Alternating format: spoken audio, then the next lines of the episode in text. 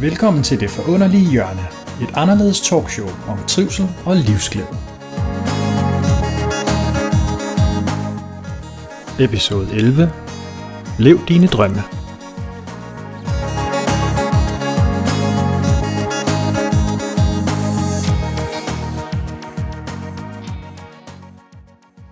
Det her med at leve sine drømme, det har for mig altid været noget, som har været udfordrende, fordi jeg altid bare har gjort det, som jeg troede, jeg skulle. Jeg har egentlig aldrig helt stoppet op og tænkt, hvorfor er det så, jeg gerne vil det? Så noget som at tage uddannelse, lave en sport, eller finde en partner og skabe familie og hjem. Og det jeg fandt ud af, det var, at det egentlig ikke var det, der gavnede mig i hvert fald på sigt, fordi jeg havde egentlig levet meget efter andres værdier. Og når du gør det, oplever jeg ikke at tro mod dig selv, så er det, du mister lidt den livsgnist, som egentlig ligger i os alle sammen. Og det at gøre det, der er rigtigt for dig, og gå efter det, virkelig udleve det, som du virkelig brænder for, det du gerne vil. Der er i hvert fald for mange mennesker en kim til noget, der er rigtig, rigtig godt, så du kan finde den glæde, der faktisk kommer indefra. Min gæst i dag, han hedder Torben Riff. Velkommen til, Torben. Tak skal du have. Torben, det er sådan så, at jeg har inviteret dig, fordi du er jo et eller andet sted populært sagt kan kaldes en Tai Chi-mester. Du øh, lever af at dyrke Tai Chi, undervise, du har i mange år arbejdet med det. Du har i 30 år har du trænet det. 25 ah, af dem har været Tai Chi. Ja. Og nogle af før dem, det har været forskellige andre typer kampkunst. Ja. Så har du skrevet en bog om Tai Chi. Du har lavet seks DVD'er. Og du har vundet adskillige guldmedaljer. Du er europamester. Og så har du også startet den danske Tai Chi organisation i 1990. Ja. Practical Tai Chi Chuan. Til daglig så bor du i Jelling og underviser primært i Vejle. Det jeg gerne vil høre fra dig, Torben, hvorfor er det, du har valgt, at det skulle være Tai Chi? Altså, lige Tai Chi'en og valgt Tai Chi'en, det tror jeg, ja, man siger, der, jeg, jeg tror på, at der ikke findes tilfældigheder. Men altså, kampkunsten har altid været, øh, jeg har altid været fascineret af kampkunst, lige fra jeg var dreng af. Og øh, allerede da vi så øh, Bruce Lee på skærmen, der var det jo, jeg var så fascineret af, hvad han kunne og sådan noget. Og dengang, der vidste jeg jo ikke, hvad det var. Jeg var bare begejstret af, hvad han kunne, og den personlighed, han var. Så øh, lige snart jeg så noget på film, så var jeg ude i, uh, i laden der. Vi boede på en gård, og så var vi ude og træne med de her to af uh, pinde og så en snor imellem, og så svinge rundt med dem, ligesom han gjorde den her såkaldte Nonchago. Øh, så jeg har altid været begejstret og fascineret af kampkunsten. Og øh, at det så blev Tai Chi senere hen, ja altså, det er ikke noget, det var ikke noget, jeg gik efter. Før øh, en dag, hvor at, øh, vi skulle til træning, og den gang trænede jeg fuldkontakt, så øh, vi kom til træning, så stod der en ældre kineser, og stod og lavede de her langsomme bevægelser, og bevægede sig i slow motion derinde. Ikke? Og, øh, så jeg har, været, jeg har været omkring 20 år dengang, og da, da jeg så det, og så tænkte vi, at han er, han er sikkert færdig, når vi skal i gang. For det der, det var godt nok noget for pensionisterne. Og vi grinte lidt af det. Ikke? Øh, da vi kom ud og skulle være klar til træning, så var han stadigvæk i gang, og vores træner han sagde, så når det om at følge efter. Det er ham og ham, og nu, nu følger vi efter. Ikke? Så det havde vi altså ikke regnet med. Men øh, der gik heller ikke ret lang tid fra ham til teammesteren. Han kunne godt se, at øh, det var vi altså ikke interesseret i. Så, øh, så på et tidspunkt, så kigger han rundt, og siger, så skal han bruge en frivillig. Og dengang, der var jeg et øh, rigtig muskelbund, og jeg stod der i min strop t-shirt, som man rigtig kunne se de her store muskler. Og kigger han rundt og spørger, han, om jeg ikke vil komme ud. Det gjorde jeg så, og øh, han beder mig om at komme frem mod ham og angribe ham, og jeg går frem stille og roligt, for ikke at, at skade manden. Men før jeg når at se det, ser mig om, så øh, pander han mig ind på hovedet, så jeg går lige i gulvet. Så står han og kigger ned på mig, og så siger han lige så stille og roligt, hvad kommer du nu, knægt? Pensionist eller ej, nu skulle han have den. Det er helt sikkert, så, så jeg gik efter ham, men øh, jeg ramte ham ikke overhovedet, og øh, han slog mig heller ikke mere, men han kastede mig rundt. Så hver gang jeg kom frem, så kastede jeg mig over i de andre, ned i gulvet, over i væggen.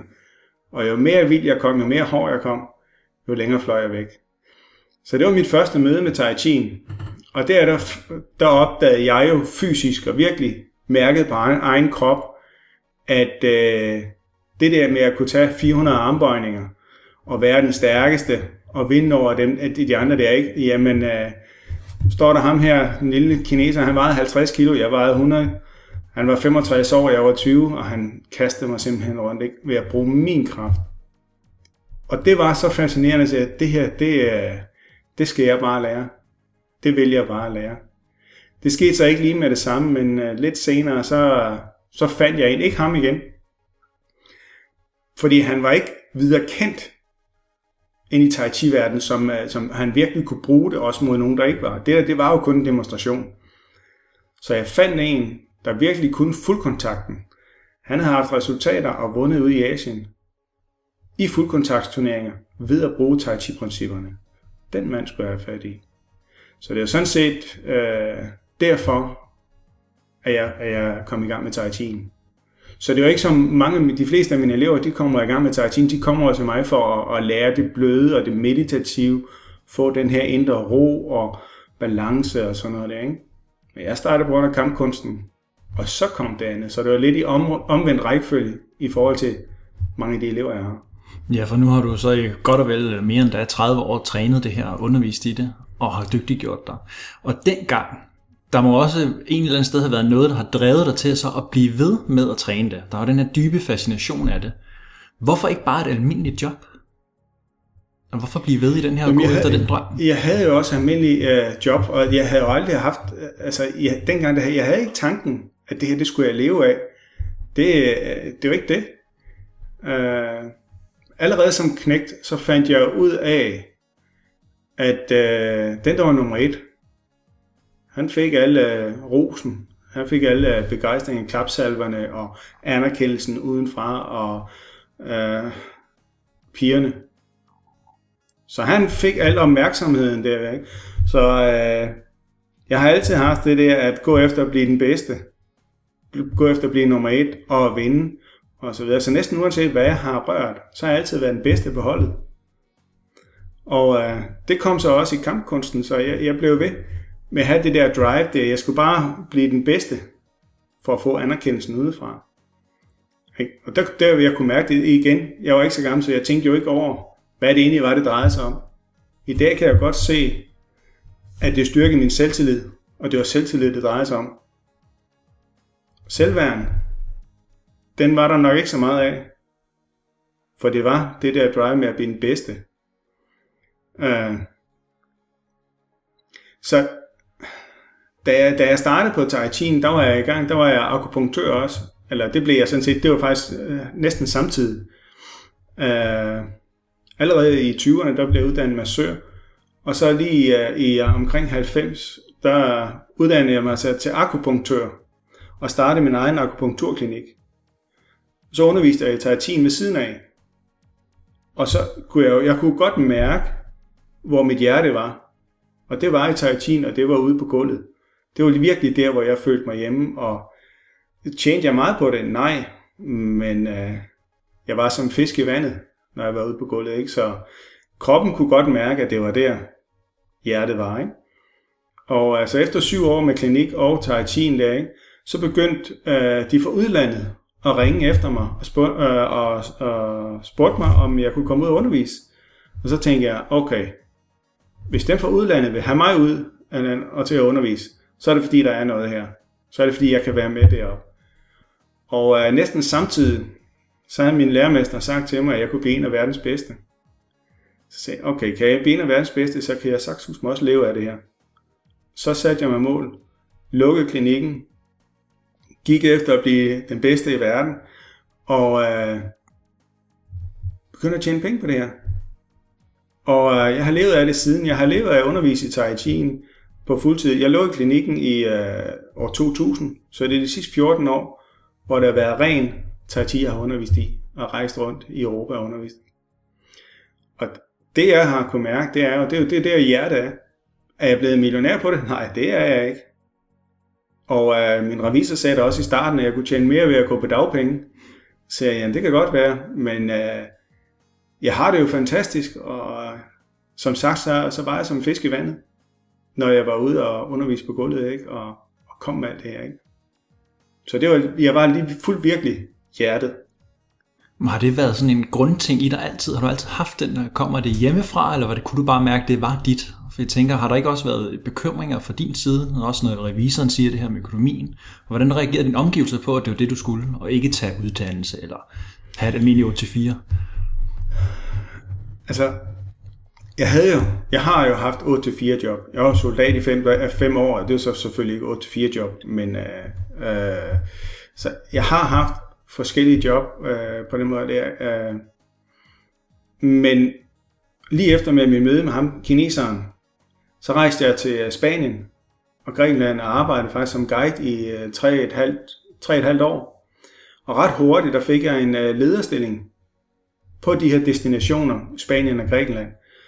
Og øh, det var fantastisk, så var jeg lederen og, og kunne stadigvæk, altså den der frihed til at bestemme. Så da jeg kom hjem dernede fra, og øh, fik et almindeligt job, det kan jeg godt se, det, øh, det, det kunne jeg slet ikke, jeg kunne slet ikke finde mig i det.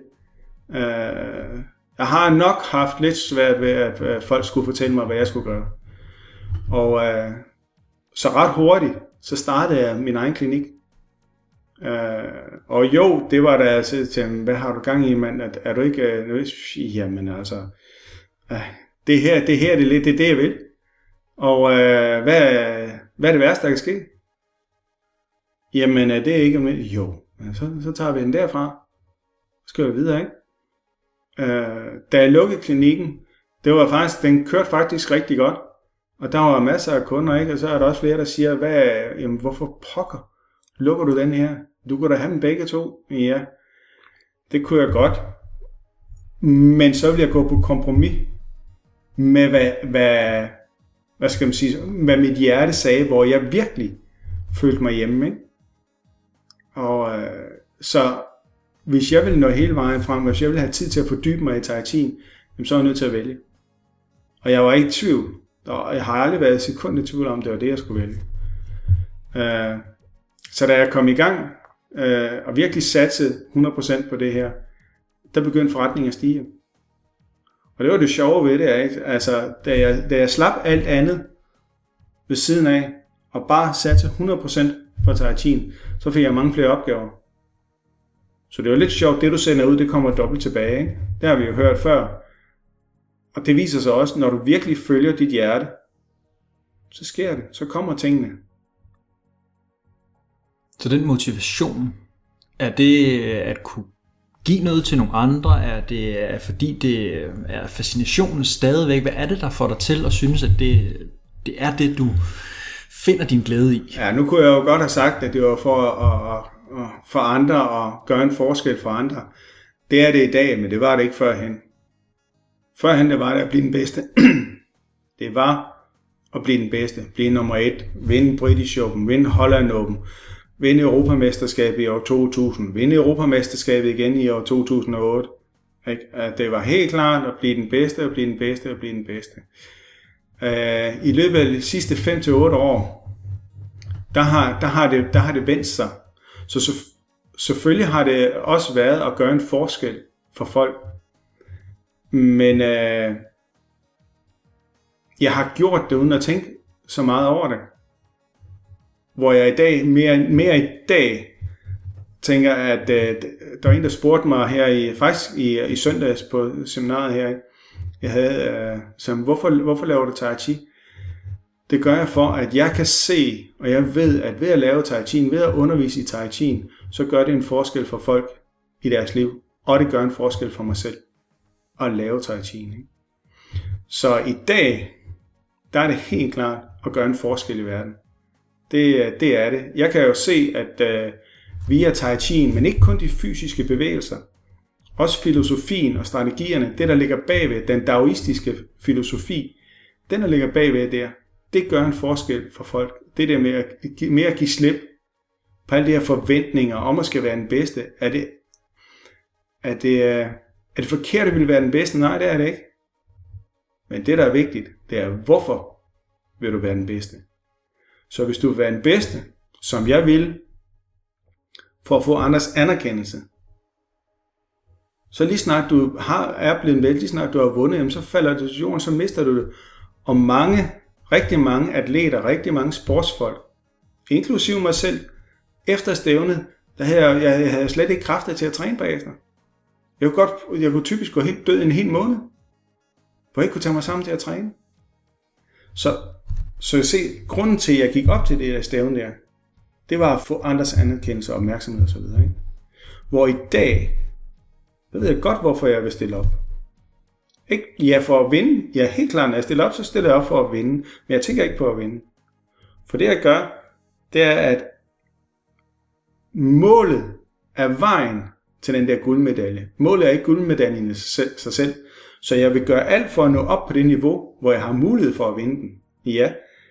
Og det vil så gøre, at jeg vil løfte mig selv op, både fysisk, mentalt og spirituelt, op mod det mål der. Så når jeg står bagved, uanset om jeg har vundet eller ej, nå ja, så er jeg heroppe.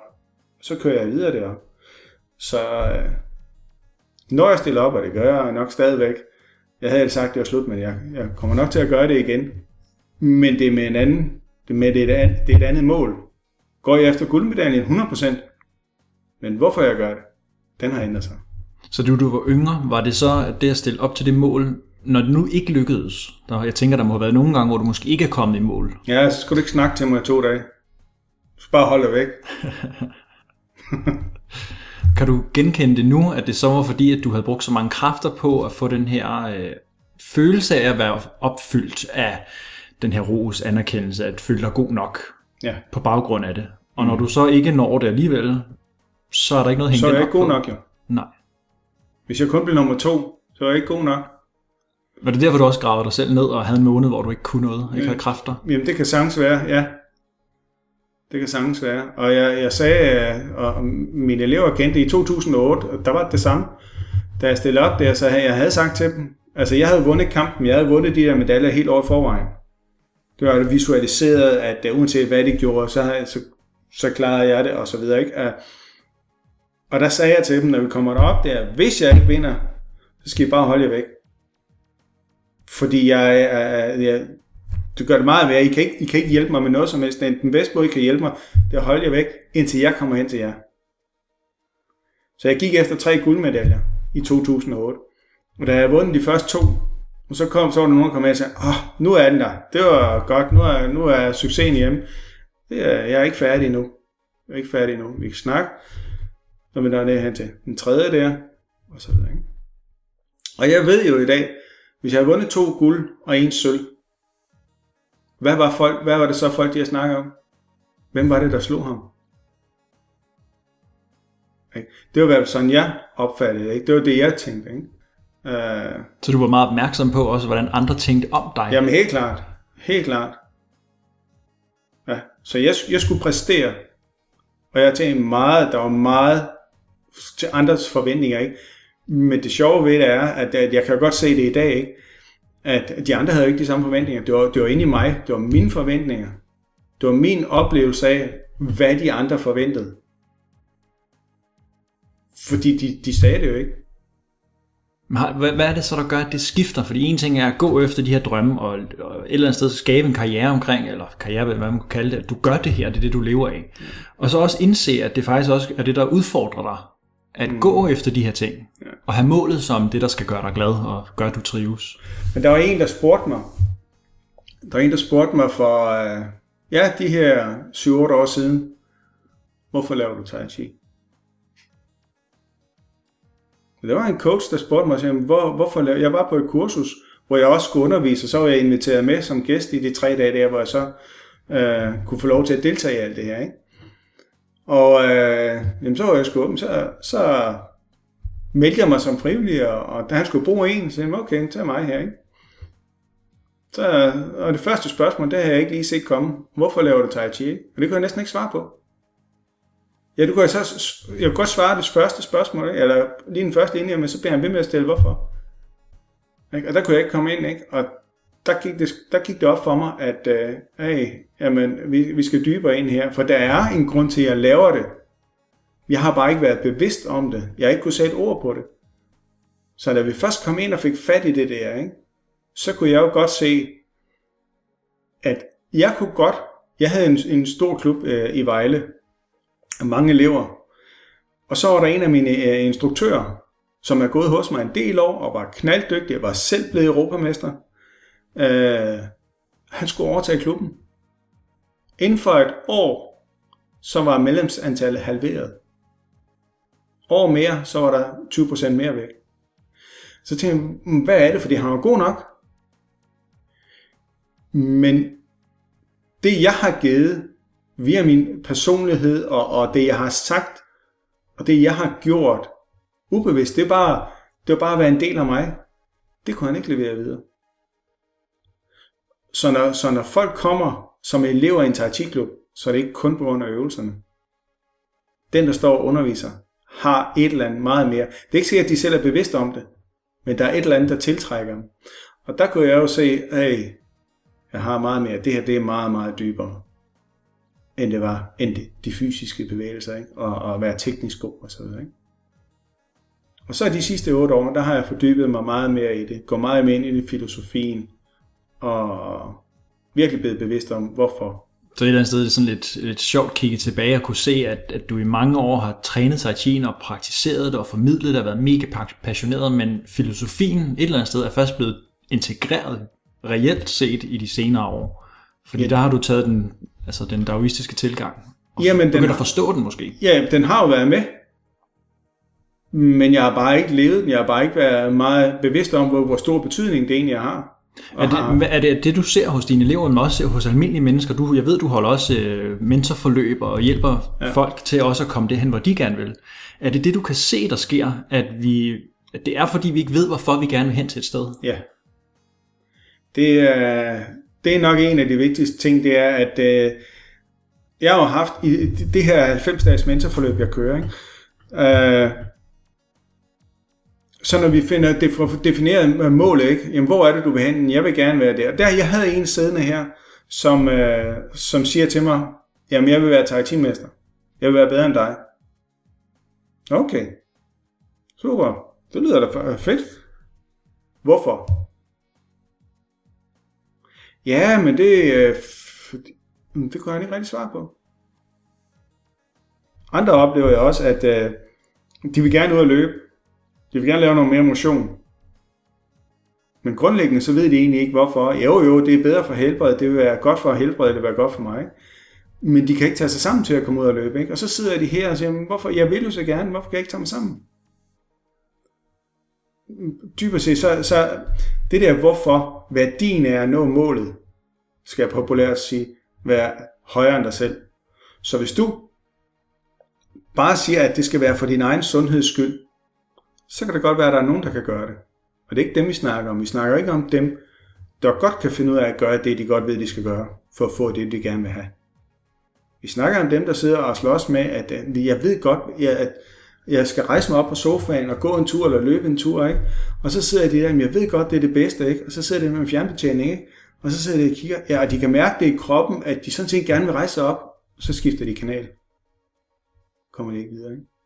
Og de er sådan set selv frustrerede, fordi de sidder der og har den følelse af, hvorfor rejser jeg mig ikke op? Så hvis værdien er at nå målet, hvis værdien af den her gåtur ikke er højere, så det der med, at jeg øh, kommer op hver morgen, og jeg laver mine øvelser, jeg træner det der, det er ikke kun for mig selv. Absolut ikke. Og så igen, det vigtigste er jo, at jeg gør det for mig selv. Men hvis jeg nu ikke gjorde det, hvad skete der så? Så er det kun mig selv, der gjorde. Så det jeg har gjort, det er, at jeg sætter værdien af at lave øvelserne endnu højere. Hvis jeg laver øvelserne, så viser jeg mine børn, hvor vigtigt det er at tage, sig af sig selv, at tage mig af mig selv. Jeg viser dem, hvor, hvor vigtigt det er, at de skal tage sig af sig selv. De skal tage ansvar. De skal stå op, de skal lave de øvelser, de godt ved, de skal gøre for at få det liv, de gerne vil have. Så når jeg ser mine børn, hvis jeg nu ikke går op, hvad så? Hvis jeg nu ikke laver mine øvelser, hvad så? Så er det det, de ser. Så værdien af at gøre en forskel for mig, værdien af at lave de øvelser for mig, det vil påvirke mine børn, deres børn, og så videre. Og, så videre ikke? og når jeg sætter børn i verden, så er det altså mit ansvar at uddanne dem til det voksne liv. Ikke kun, så de kan komme ud og klare sig i øh, samfundet, men også, at de, tager, de lærer at tage det ansvar for sig selv. Og det kan jeg altså ikke lære dem ved at bare fortælle dem, at de skal gøre det. Så værdien af at lave øvelserne for mig, den er meget højere. Det er meget mere vigtigt for mig. Virkelig at gøre den forskel. Men så hvis man sidder typisk og gerne vil noget, det kan også være, at andre sidder og lytter, som tænker, jeg vil også gerne leve af et eller andet, eller jeg vil også bare gerne blive bedre til at, hvis de sidder med de spørgsmål og har svært ved, som du siger, og bliver ved med at sidde og sappe, så ligger der oftest nogle årsager bag. Hmm. Hvad, kunne, hvad kunne man gøre for ligesom at komme ud over den hurdle? Fordi ofte så sker det jo op i den mentale del, som er en meget lille del af os. Vores historik, vores fortid, vores prægninger. Det vi har med os er jo vores underbevidsthed, som et eller andet sted er meget kraftigere mm. i forhold til, vores, hvad vi gerne vil. Jamen selvfølgelig. Er det, så er det meget det, er det, det utrygge omkring der, hvor vi kommer hen, hvis nu vi gør det? Er det det, du oplever, der er udfordring for at leve sin drømme, eller komme videre? Jeg tænker, for at finde motivationen for at komme videre. Jamen altså, en af de vigtigste ting, jeg lærte jo, førhen, der kunne jeg jo klare mig selv. Jeg vidste jo godt, hvad jeg skulle gøre, så jeg gjorde det bare. Jeg, kunne, jeg skulle nok klare mig selv. Jeg skulle, øh, det der med at spørge om hjælp, det har jeg aldrig været så god til. Og jeg kan også godt se, hvorfor. For det har jeg lært. Okay? Så en af de vigtigste ting, jeg sådan set uh, har lært de sidste otte år, det er at spørge om hjælp. Uh, skal man sidde med det selv, så er det første, det er jo at definere målet, se, okay, hvad er målet? Ja, målet for mig, det er det og det og det.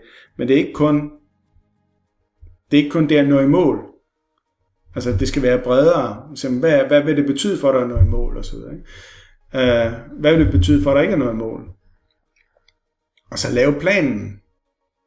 Altså, det er, det er jo så simpelt. Vi kender alle sammen det der, hvilken betydning det har at, at, at tænke positivt. Det ved vi alle sammen. Vi har alle sammen hørt det. Hvorfor gør vi det så ikke hver dag? Hvorfor starter vi ikke dagen med at tænke positivt? Hver dag. Jeg starter dagen hver dag med at sige, at det bliver en god dag, det bliver en fantastisk dag, og jeg glæder mig, så tager jeg en dyb indånding, holder det og puster ud og mærker hele, alle mine selv, hele kroppen der, den følelse af, at det bliver en god dag.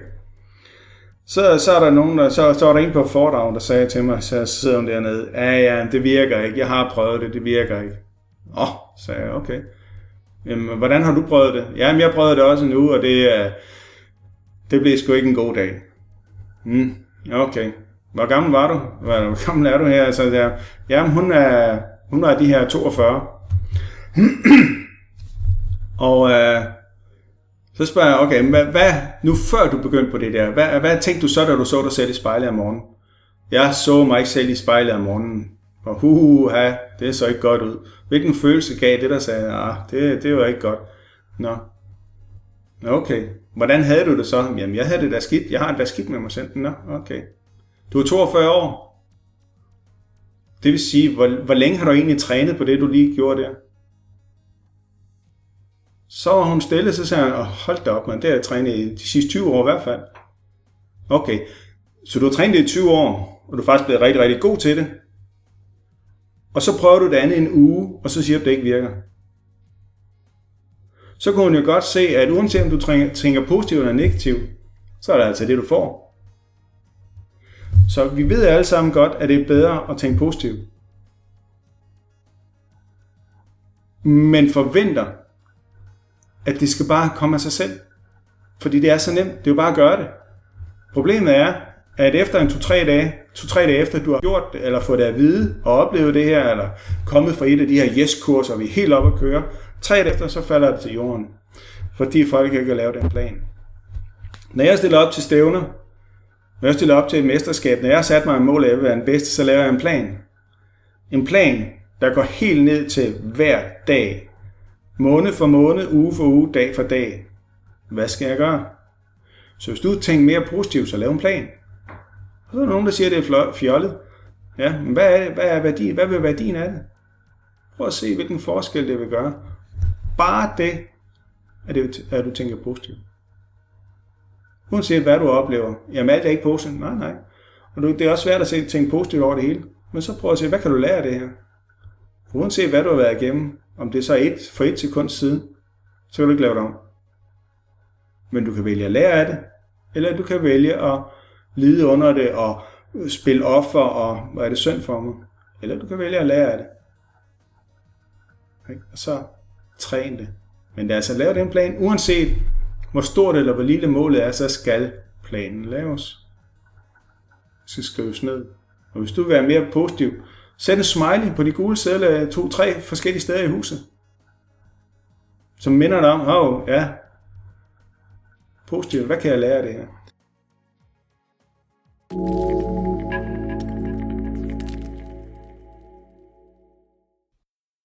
det det, du har oplevet, at du gennem din tai chi træning kan se over tid, at jo mere du træner en bestemt måde, jo mere vender din krop og dit sind sig til det? Jamen, det gør den jo. Ikke? Øh, der er så, vi har så en tal, der hedder 10.000. Det betyder, at når du lærer en teknik, så træner du 10.000 gange, så er den der. Og bliver ved med at træne den. Så hvis en, øh, hvis en kriger i kampen oplever, prøv at forestille dig krigeren, der, der kæmper kampen på liv og død. Nummer to, han er død.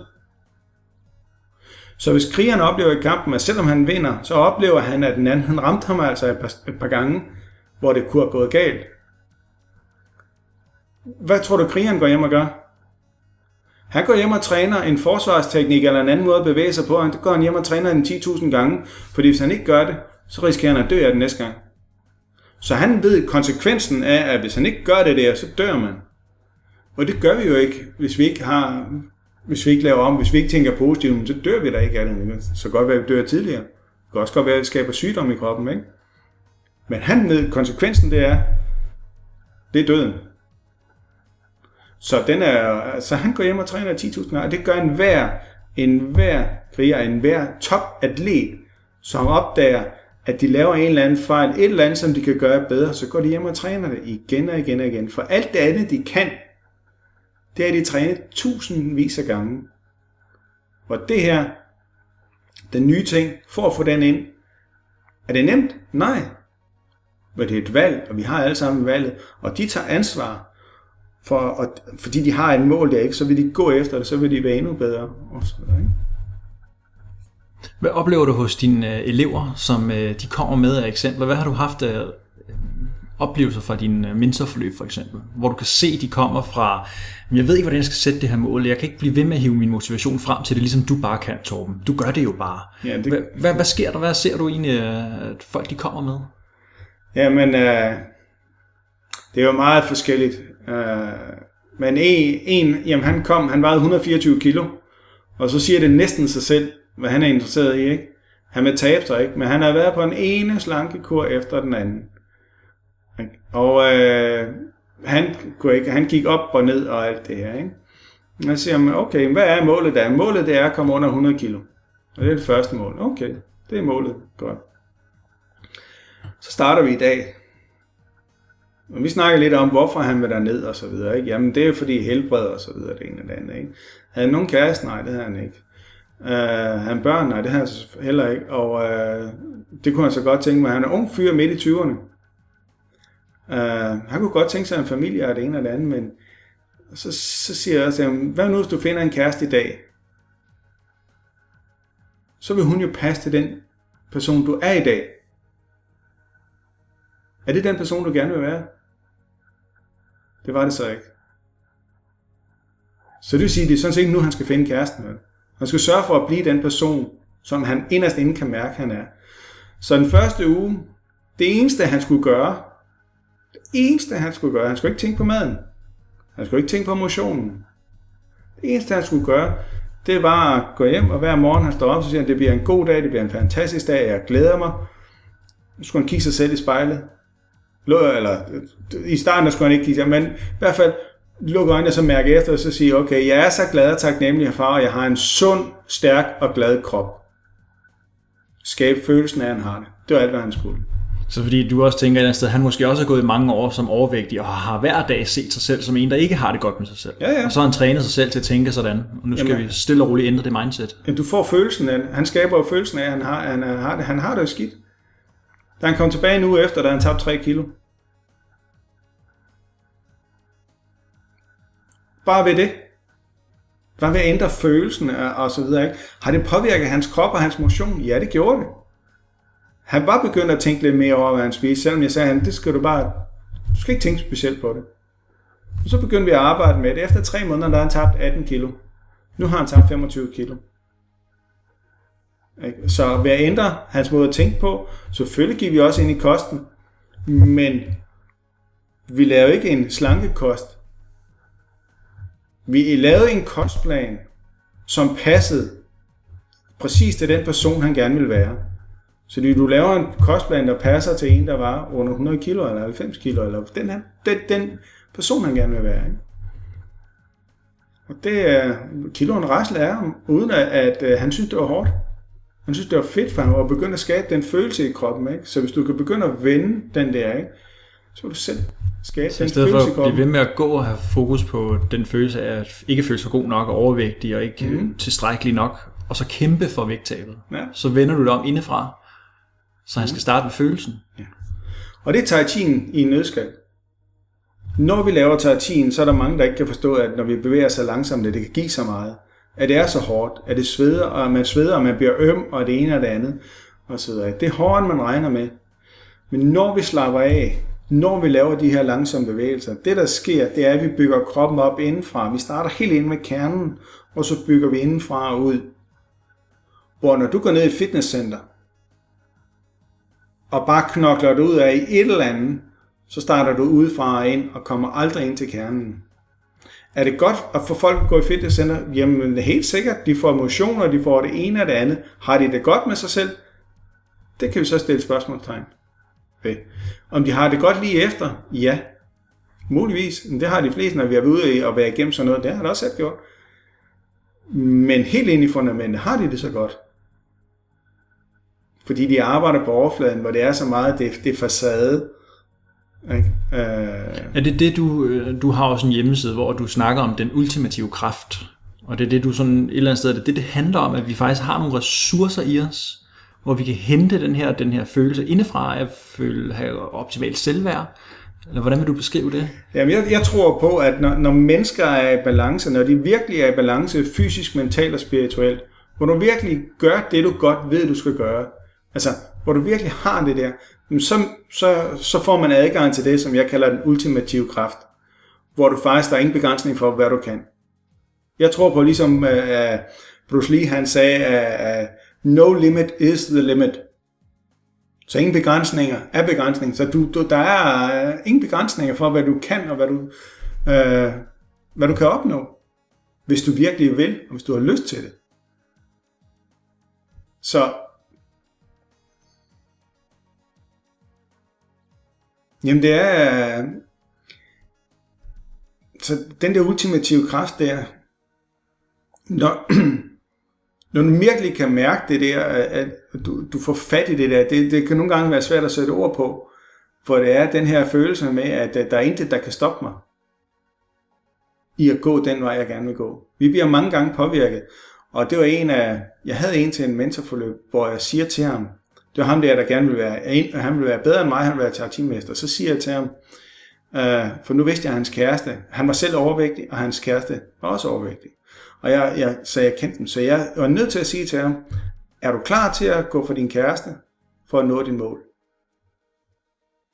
Så kigger han helt mærkeligt på mig, og så siger han, ja, er du klar til at gå fra hende for at nå dit mål? Og ikke? Så begyndte tårerne at komme frem, og sådan, hvad, øh, ja, jamen, jeg siger ikke, du skal gå fra hende. Men jeg siger, at hver eneste gang, vi laver en forandring i vores liv med vores selv, så vil vores omgivelser, bevidst og ubevidst, forsøge at stoppe os. Fordi de kender os som den person, så de vil holde os der, hvor vi er, for det er trygt og godt, og det, det kender vi. Men når vi begynder at rykke os, så vil vores omgivelser reagere. Så jeg er nødt til at sige til ham, hvis hun forsøgte at holde ham tilbage i at nå hans mål, om han var klar til at sige, ved du hvad, så, så bliver vi nødt til at stoppe det. Så det var han så. Okay. Så kan vi godt fortsætte. Ellers var jeg nødt til at stoppe her. Eller finde en anden mål. Sjov ved det var, at øh, han, han, tabte en masse kilo, og hun tabte 25 kilo. Hun øh, deltog ikke i samme forløb, men hans påvirkning gjorde, at hun startede på noget andet, og fik fat i det. Men så, hvis du ikke er klar over dine værdier, hvis du ikke er klar, 100% klar på dine mål og dine værdier, og hvad du egentlig ved, og hvad du står for, så kan du meget let blive hævet tilbage i det, du var af, af, dine, af omgivelserne. Og det er derfor, mange, tror jeg, mange de kommer ud og sætter sig i mål og har fokus og går efter det, og så bliver de påvirket af partner, kæreste, børn, omgivelser og arbejdskollegaer et eller andet med forskellige bemærkninger. Ah, det er også rigtigt, jeg, jeg kan nok ikke alligevel. Og så gør de det, de plejer. Jeg møder i hvert fald rigtig mange mennesker, som netop kommer til mig også i forløb og siger, at jeg vil gerne det her. Og et eller andet sted, så ved de det godt. Jeg har også et eksempel fra en, han vil rigtig gerne være personlig træner. Og det er, øh, han var 35, da vi mødtes. Og siden han var, ja, var det 17-18, der vidste han, jeg vil rigtig gerne arbejde med det her. Og hvad hans motivation end var, så vidste han bare, at jeg ville noget med det fysiske, for han var så god til det. Han kunne mærke, der havde han det godt. Han kom bare fra en familie, hvor at det var uddannelse frem for sådan praktisk ned på jorden og bare gå ud og få et job, som åbenbart var sådan lidt prestigefyldt. Det var sådan, han oplevede det. Så han har taget uddannelse og blev sådan meget inden for den analytiske verden. Og han kommer til mig og siger også, at jeg er sgu ikke rigtig glad i det længere. Nu har jeg taget uddannelsen, jeg har taget det her job, jeg er gået efter mine drømme. Men alligevel, så er det som om, der mangler noget. Og når vi så rigtig får snakket om, så handler det også om, at han ved godt, at han har altid godt kunne mærke, også mentalt har han vidst det, men i kroppen har han godt kunne mærke, åh, oh, jeg ville sgu gerne det her. Så for ham så er det også det med at walk the talk, der har været svært. Så, så hvad, hvad kunne man gøre, hvis man sidder derude og er omvej måske, er endt, sådan er det for mange, endt i et job eller endt i et parforhold, hvor man måske kan se, hmm, konsekvensen, som du har snakket om tidligere, hvis jeg nu gerne vil have det lidt bedre, eller hvis jeg gerne vil, virkelig gerne gøre det, jeg gerne vil, den kan være ret stor. Det kan gå ud over parforholdet. Det kan også være, at hmm, jeg skal indse, har jeg virkelig brugt så mange år på noget, der ikke var det rigtige for mig? Det er også hårdt for nogen. Mm, det er det. Men uanset hvad du har været igennem, så har det, så har det været med til at gøre dig til den person, du er i dag. Så du tænker, det er historien rent faktisk, der gør, at, at du kan hive ressourcer i den? Men hvor længe har de trænet det? Ja. ja. de har trænet det. De har trænet og trænet og trænet og trænet. Ikke? Og jeg, altså, så jeg bruger den her meget, meget klare metafor her. Du har to planter. Den ene giver du vand og gødning, den anden giver du ingenting. Hvilken en vokser? Det kan vi alle sammen se. Den, der får opmærksomhed. Det er også de tanker, de, det, det du træner, det er det, du, det, er det der vokser. Ikke? Øh, hvis der sidder en og, og med samme dilemma der, ikke? og øh, skal virkelig tage en, hvor der er konsekvenser, og det er det, så prøv at stille dig det selv det spørgsmål, hvad er det værste, der kan ske? Skriv det ned. Hvis du ikke kan være med til det, aller værste, der kan ske, hvis du ikke kan acceptere det, så skal du ikke gøre det. Spørgsmålet er så, hvem er den vigtigste person i dit liv? Er det dig? Dine børn? Din partner? Hvem er den vigtigste person i dit liv? For hvis du ikke tager dig af dig selv, så kan du heller ikke være det, du gerne vil være for de andre. Så hvis du ikke følger dine drømme, hvis du ikke følger dit hjerte, hvordan pokker vil du så være i stand til at være det for de andre, som du gerne vil være? Og der er det, mener jeg, at øh, jeg skulle tage en, øh, en øh, jeg tog en vild beslutning af sidste år, ikke? og øh, konsekvensen, det værste, der kunne ske, det var, at jeg mistede hele min pension. Var jeg klar til det? Ja, det var jeg. For at gå efter min drømme, for at nå mit mål, for at det, jeg har drømt om længe, ja, det var jeg. Jeg er klar til at, at gøre det hele. For pension, åh, det er penge, det er en eller anden. Dør jeg af det her? Nej, det gør jeg ikke. Men det var det værste, der skete. Godt, så kører vi, så gør vi det. 100% kører vi. Uh, så det tror jeg, folk skal prøve at tænke over, det er, hvad er egentlig det værste, der kan ske? Og kan du leve med det? Hvis det sker, så gå efter det. Hvad har du at miste? Har du oplevet, at det har været, at du selv har været et sted, hvor du måske har holdt dig selv tilbage fra at gøre det af frygt for konsekvenserne, og det ja. så har haft en påvirkning på dig? Okay. Okay. Fordi nogle gange så tænker jeg, så er det måske ikke lige helt lige så nemt, som vi siger det. Nej, Altså det principperne er er, måske rigtige nok, og Ja, det kan virke. Men igen, når man så sidder i det, okay, nu gør jeg det. Det kan filme være angstprovokerende. og det er også en af de der ting, hvor jeg siger, ikke? find en, som har gået vejen. Find en, som du kan se, der følger sit hjerte og, og går vejen og gør det der, ikke? og så få hjælp. Find en mentor, find en coach, gør det der, ikke? For nej, det, det er ikke nemt altid. Det værste for mig i mange år, det var at lave fejl. At lave fejl, det er en fiasko. Det er jo ikke, det er jo ikke at blive den bedste, det er jo... Ikke? Hallo. Og når du træder ved siden af laver fejl, Fejl. Folk de griner af mig, folk de driller, og, og det ene og det andet. Puha. det værste, det var at lave fejl. Indtil jeg blev spisguide. Jeg var spisguide, der oplevede jeg, når jeg stod der med mikrofonen og, og sagde noget forkert noget, eller klods i det, og sådan, så grinede folk. Men de grinede, fordi det var sjovt, og hvis jeg, så kunne jeg jo stå og lave det akavet og på at skjule det, ikke? og så begyndte jeg at grine med. Så grinte jeg også af det, og så videre, ikke? og jo mere jeg grinede af det, jo sjovere var det også for de andre, ikke? så klarede jeg rundt i det, og så videre. Ikke? Så det der med at slippe det, ikke? og så fejl. Uh, der er et sjovt ordsprog, der siger, hvad er forskellen på en tai chi mester og en begynder? Mesteren har lavet mange flere fejl, end begynderen nogensinde har lavet teknikker. Så dem, der virkelig er blevet mestre, de har lavet så mange fejl og lært af dem.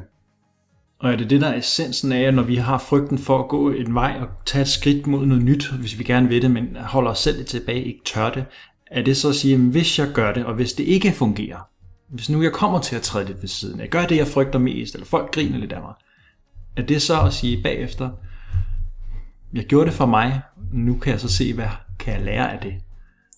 Er det det, du gør hver gang, når du også har gået fejl, eller det ikke har fungeret? Jeg prøver da at kigge tilbage på fortiden og sige, okay, hvad kan jeg lære af det her? Ikke? Uh, ja, spring ud i det, og, og, og så lav de fejl der, ikke? Altså, jeg gør det ikke bevidst, men spring ud i det.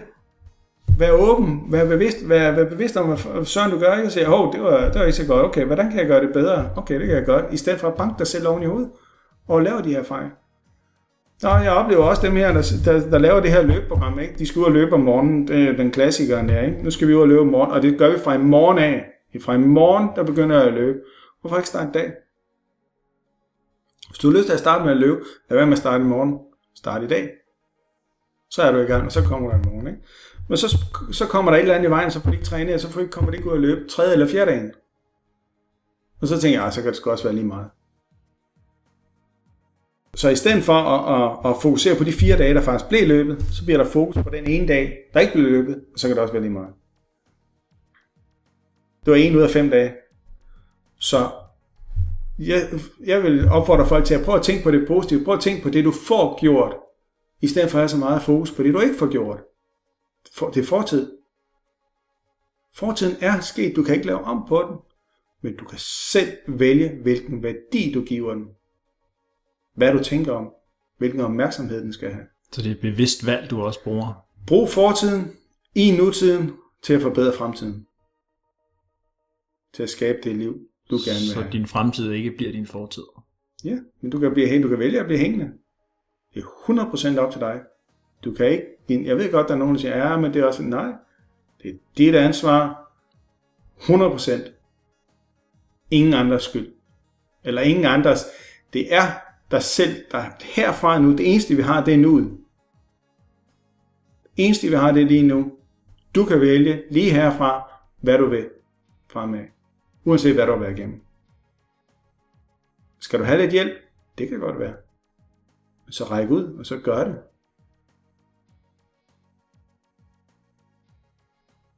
Nogle gange, Torben, når nu at øh, du så træner din Tai Chi, er det så der, du hjælper dig selv til at være i nuet, så du kan arbejde med den fortid, der måske nogle gange dukker op, også uden du har lyst til i dine tanker og i dine følelser? Er det der, du forankrer dig selv? Er det det, du ser Tai Chi'en også kan give folk? Jeg vil sige, Tai Chi'en for mig er mit fundament. Det er min base. Det er der, jeg skaber det fundament, som jeg bygger op på. Ikke? Øh, så ja, Tai Chi'en, det er der, hvor... Jeg ved, det, er ikke, det er ikke kun der. Jeg forsøger at gøre det alle sammen. Jeg forsøger at gøre det, når vi sidder og snakker her. Jeg, jeg er der. Jeg er til stede og være i nuet med mine børn, øh, om det så er computer, eller hvad, hvad, hvad, hvad pokker det er, så forsøger jeg at være der og træne det hele tiden. Men Tai Chi'en er helt klart øh, et redskab, hvor jeg, hvor jeg virkelig har fokus på at være til stede i nuet, både fysisk, mentalt og det hele. Og hvordan er du til stede i nuet? Altså jeg har mange folk, der kommer og siger, jamen, hvordan filen er man så det? Og hvorfor er det, det er så godt? Et eller andet sted, så ved de fleste mennesker godt, det er jo tankerne, der skaber ballade. Det er hovedet, der er vi allerede færdige med drømmerejsen. Vi er allerede færdige med vores liv, hvis det er det, vi vil. Det er hele tiden der, vi kan være i forsiden. Det er der, vores bekymring kommer. Mm. Kroppen er altid her. Mm. Og man kan se fra de studier, der ligger også i forhold til meditation, og hvordan du kan komme til stede, det er noget med at være opmærksom på én ting ad gangen, og så være lige her, hvor du er, i det fysiske. Mm. Så hvordan er du til stede lige nu? Fordi det er jo ikke alle, der måske har tid til at være tai chi-kriger og gå 30 år for at komme dertil. Bare med en enkelt øvelse, så i løbet af to minutter, så kan jeg hjælpe med at være det. Ikke? Og så kan de se, hold da op, hvilken forskel at det virker. Sådan her, lige her nu. Ikke? Øh, når jeg gør det, når jeg står og laver tai chi øvelserne, kommer der så andre tanker ind? Ja, helt klart. Men jeg, bliver ikke, øh, jeg bebrejder ikke mig selv, når det først kommer. Jeg kommer, og så siger jeg, okay, det er det. Okay, den tager vi bagefter, giver vi slip, og så vender jeg tilbage. Og det er jo det, hver gang der kommer noget, og det gør der mange gange. Du kan først ændre det, når du bliver bevidst om det. Så når jeg bliver ved, oh, så kan det godt være, at jeg har været i det et stykke tid, men det kan ikke hjælpe noget at bebrejde mig selv. Så lige snart jeg bliver bevidst om det, kommer jeg tilbage igen. Så er det så, hvis vi sad til et møde, og jeg ikke kan slippe det møde, jeg lige har været fra, eller der er noget i mit privatliv, der fylder problemer i parforholdet, at når det hele tiden dukker ind i mit, andet, ind i mit hoved, og så kan jeg faktisk ikke sidde og være til stede med dig, når du sidder og lytter. Jeg er hele tiden et andet sted inde i mit eget hoved. Mm. Er det der, hvor jeg så skal blive klar over, at jeg er væk, og der er noget, der forstyrrer, og så lige mærke kroppen? Er det sådan, du også nogle gange gør det? Jamen for, for eksempel at sige det, der kommer ind til, hvor du er nødt til at sige sådan, okay, det er okay, det der, det tager vi bagefter, og så give slip på det, ikke? Det er, altså, for eksempel det er, hvis, der er, hvis du har haft en eller anden, øh, et tidligere møde, som går dig på, okay, så måske skal du stoppe mødet, eller stoppe samtalen, så du lige kan sige det, sige det for eksempel højt, sige, okay, ved du hvad, jeg var lige et helt andet sted. Det er okay nu, kan jeg slippe her, ikke? og så er jeg 100% til stede nu. Så virkelig være til stede og træne det der, ikke? men det kræver træning. Ikke? Og du kan træne det hele tiden. Så du, hvis du hver eneste gang, uanset hvad du laver, inden du går hen for eksempel ind til at møde, øh, jamen, vær nærværende, sig det til dig selv, vær nærværende, vær til stede, vær 100% her, 100% nu men det kræver træning. Og så er der en, der spørger, hvor længe skal jeg træne det? Resten af dit liv. Så bliv ved. Hvis nu jeg sidder derude og rigtig gerne vil gøre lidt af det her, og bruge lidt af tai chi'en, hvad kan du sådan kort beskrive, at tai chi'en kan gøre? Hvilke filosofier kan du trække ud af det? Nu har du måske efterhånden forståelse af essensen, nu når du også underviser derude i virksomheder, du også snakker med private hvad kunne være sådan essensen af et princip, jeg som privatperson kunne begynde at tænke, når jeg sidder i min dagligdag? Og ikke måske har overskud til at træne, eller ikke har lyst til det. Ja, men de fleste, der ikke har overskud til det, det er fordi, de, nogle gange så ser de for langt ud, måske. Ikke? Hvis, hvis du har lyst til at lave en ændring, ikke? der er en, der, der, der, en af de mest kendte sætninger fra da, den uh, Dao De Ching, Daoismens bibel, lærebog. Ikke? Den siger, at en enhver rejse, selv en rejse på 10.000 km, starter med det første skridt. Så lad være med at tænke på, hvad du skal gøre resten af dit liv de næste 10 år eller 20 år. Tænk på, hvad du gør i dag, og så gør det. Ha' et fokus på det første skridt. Ligesom du behøver ikke at tage hele trappen for at gå op af. Tag et skridt ad gangen. Et trin ad gangen. Start i dag med et eller andet. Ikke? Og vil du ind og have en øvelse, ikke? og hvis du går ind og går i gang med det, så lad være med at starte på de lange serier. Start med nogle simple øvelser. Og der giver jeg jo gratis øh, øvelser ud jeg giver blandt andet øh, min, øh, en af mine bøger, jeg har lavet. Den kan du få gratis. Jeg har videoer, som du kan få gratis. Og gå ind og hente på min, uh, på min hjemmeside. Uh, Qigongonline.dk uh, Gå ind og hente og gå i, gå i gang, og så lad være med at tage hele bogen. Tag en øvelse. En dag, en øvelse. Og så stille og roligt bygge op. Så nu med også at være tålmodig med sin egen proces. Ja, altså, altså nogle gange, så er ambitionerne så store, så du faktisk drukner i det, ikke? Så nu, nu, nu skal jeg være tai chi mester. Nej, altså, hallo, start, start ned, ikke? Og så et skridt ad gangen, og så hvad du får plads til. For hver gang vi vælger noget, så vælger vi også noget fra. Og det er der, hvor folk de har, har svært ved at tage beslutningen om at vælge det der. For hvis jeg skal vælge at lave den øvelse, så skal jeg vælge noget andet fra. Hvad er det, du skal vælge fra? Hvis du kan altid selv stille dig det spørgsmål, når du står og skal vælge noget. Vælger jeg det der, bringer det mig så tættere eller længere væk fra den person, jeg gerne vil være? Hvad med det andet? Og så ved du, hvad du skal vælge, ikke? For hvis du vælger det, du bringer dig længere væk fra den, du gerne vil være, ja, det er okay. Det er dit valg. Er det mere det, der så er et eller andet sted af essensen af dine, dine tanker omkring det at gå efter det, du gerne vil, at leve et trivselsliv, hvor du har det godt, at være en person, der giver mening for dig, frem for at gå efter at få en titel, eller gå efter en drøm. Du har selvfølgelig nogle mål, tænker jeg, men det er mere, at du skal tage dig selv med som hovedessens. Hvad er det for en person, du gerne vil være? I de drømme. Ja, helt klart. Det er, det er helt der, det er klart at være den person, altså give slip. Så øh, jeg har jo været meget, hvor jeg skulle gøre, øh, indfri andres forventninger. Det sjove ved det, det er, det er ikke andres forventninger, det er noget inde i mig selv, Du tror, der det er deres. bilder mig ind, at det er deres forventninger. Men de fleste gange, så er det mine egne forventninger til mig selv, ikke? Og øh, nogle gange, så er det en flugt for egentlig at gøre det, der er det vigtigste for mig. Og det er faktisk at give slip. Giv slip på alt det der præstationer, nu skal du, og det ene og det andet. Det betyder ikke, at du ikke skal gøre noget. Det betyder ikke, at jeg ikke har mål. Selvfølgelig har jeg mål. Men jeg tænker hele tiden over, hvorfor. Og så walk the talk som du sagde før, ikke? walk the talk. Så alt det, jeg prædiker med at give slip, være til stede i nuet, gør det, som du godt ved, du skal gøre for at få det, du gerne vil have. Og ja, så simpelthen sæt, sæt tid af til det, prioriter dig selv højt. Og så gør det. Lad være med at blive en af de her sofa-eksperter, som sidder og læser den ene bog efter det andet, tager det ene kursus efter det andet, bliver uddannet til det ene efter det andet, og uha, de kan det hele, men har det faktisk af helvede til. Så jeg har oplevet øh, flere, som så er de mindfulness-instruktører, så er det qigong-instruktører, så er de det ene, og så er det andet, og så er det tredje. Men de har det faktisk, de er faktisk ikke i balance, de har det faktisk ikke godt. Hvorfor gør de det? Fordi det er så dejligt at gøre noget for andre og få den anerkendelse fra de andre. Så er vi tilbage igen, ikke? Det har du i hvert fald oplevet. Ja, det har jeg, og jeg har også set det, og jeg ser det igen og igen og igen. Mindfulness-instruktører, som ikke mediterer, som ikke gør det, og som ikke gør det selv. Qigong, Tai Chi-folk, Tai Chi-instruktører, som ikke træner derhjemme, de får kun træning, når de underviser. Ikke? Altså, hvad er det så værd? Så er det bare et arbejde. Walk the talk.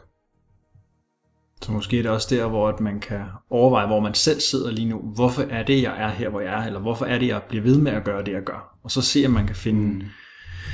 noget passion frem i det. Kan jeg egentlig se, at jeg kan finde nogle gode ting frem? Kan jeg begynde at bruge mig selv i det? Men det er det. Altså for at, for at ændre dit liv, så er det meget fornuftigt lige at finde ud af, hvor, hvorfor, hvorfor er jeg egentlig her? Hvad, hvad har jeg gjort? Hvad er årsagen til det? Ikke? Og, og, og det er ikke fordi, at på de her mentorforløb, jeg kører, øh, det er ikke fordi, jeg går meget, meget dybt ind i det. Men nogle gange skal man lige forstå, hvorfor gør man egentlig det, man gør. Ikke? Hvorfor gik jeg efter at blive den bedste? Hele tiden, ikke? Og hvorfor det? Jamen, det var for at få andres anerkendelse. Det er da fedt. Ikke? Det er da fedt at være sportsstjernen øh, i skolen. Ikke? Det er da fedt. Hvorfor? Jamen, det har sin fordel. Ikke? Og som ung dreng, det er ikke, jamen, uh, ung mand der, jamen, det har sin fordel at være den bedste. Ikke? Det har det. Men havde jeg det godt med at være alene og være mig selv? Det kan så diskuteres. Torben, hvis man gerne vil møde dig, eller få mere info omkring Tai Chi, Jamen, jeg, jeg har flere hjemmesider. Og øh, den her, hvor vi går ind i mentorforløb, den her går ind i, øh, hvor vi ændrer, hjælper med at, og, med, ja, hvor jeg hjælper folk med at finde den her ultimative kraft, så de får det liv, de gerne vil have. Den hedder torbenriff.com. Øh, der er forskellige muligheder derinde. Øh, hvis man virkelig vil ind i Tai Chi, så har jeg en uh, hjemmeside, der hedder øh, uh, ptcc.dk. Står for Practical Tai Chi Chuang Danmark. Og det er så øh, min organisations hjemmeside. Og via den, der kan du få gratis videoer, og, og du kan få øh, at komme i gang med det der. Ikke? Jeg har en præsentationsvideo derinde, hvor jeg præsenterer systemet, hvor du, hvor du kan se, hvad det går ud på. Ikke? Vi har forskellige klubber i Danmark, og jeg rejser rundt og laver øh, kurser over det hele, både i Danmark og i Europa. Og så oplever du, at du sidder i en by, hvor vi ikke har noget, og du godt kunne tænke dig det her, så tag fat i mig. For jeg laver kurser over det hele. Jeg har lige en, der tog fat i mig fra Fanø. Ikke? Der var ikke noget derovre, ikke? så nu skal jeg til Fanø her den 22. november og lave et Qigong-kursus derovre. Ikke? Så øh, jeg, har ingen, jeg har ingen begrænsning, jeg har ingen, jeg har ingen nogen steder, jeg ikke på tage Hvis folk vil lære det, så, så er vi klar. Torben, tusind tak, fordi du havde lyst til at være med. Tak fordi du vil dele ud af dine viden og komme med nogle erfaringer, som du måske kan bidrage til andres trivsel også. Det har været en fornøjelse. Det er i hvert fald tydeligt at mærke, at du er passioneret omkring det, og øh, fornemme, hvordan du gerne vil bidrage og gøre noget godt. Til jer, der sidder og lytter, så håber jeg også, at I har, har nyt snak omkring Tai Chi, og det her med at finde sin ultimative kraft, det at leve sine drømme, og fået en inspiration til, hvad det egentlig betyder, når jeg gerne vil noget, og jeg har begrænsninger. Her var i hvert fald et muligt bud på en vinkel fra en mand, der i mange, mange år har, har gjort det, han kunne mærke, der var det rigtige. Jeg hedder Martin Kirkevang. Det her, det var Det Forunderlige Hjørne. Et talkshow om trivsel og livsglæde. Pas nu på dig selv derude. Ha' det rigtig, rigtig godt.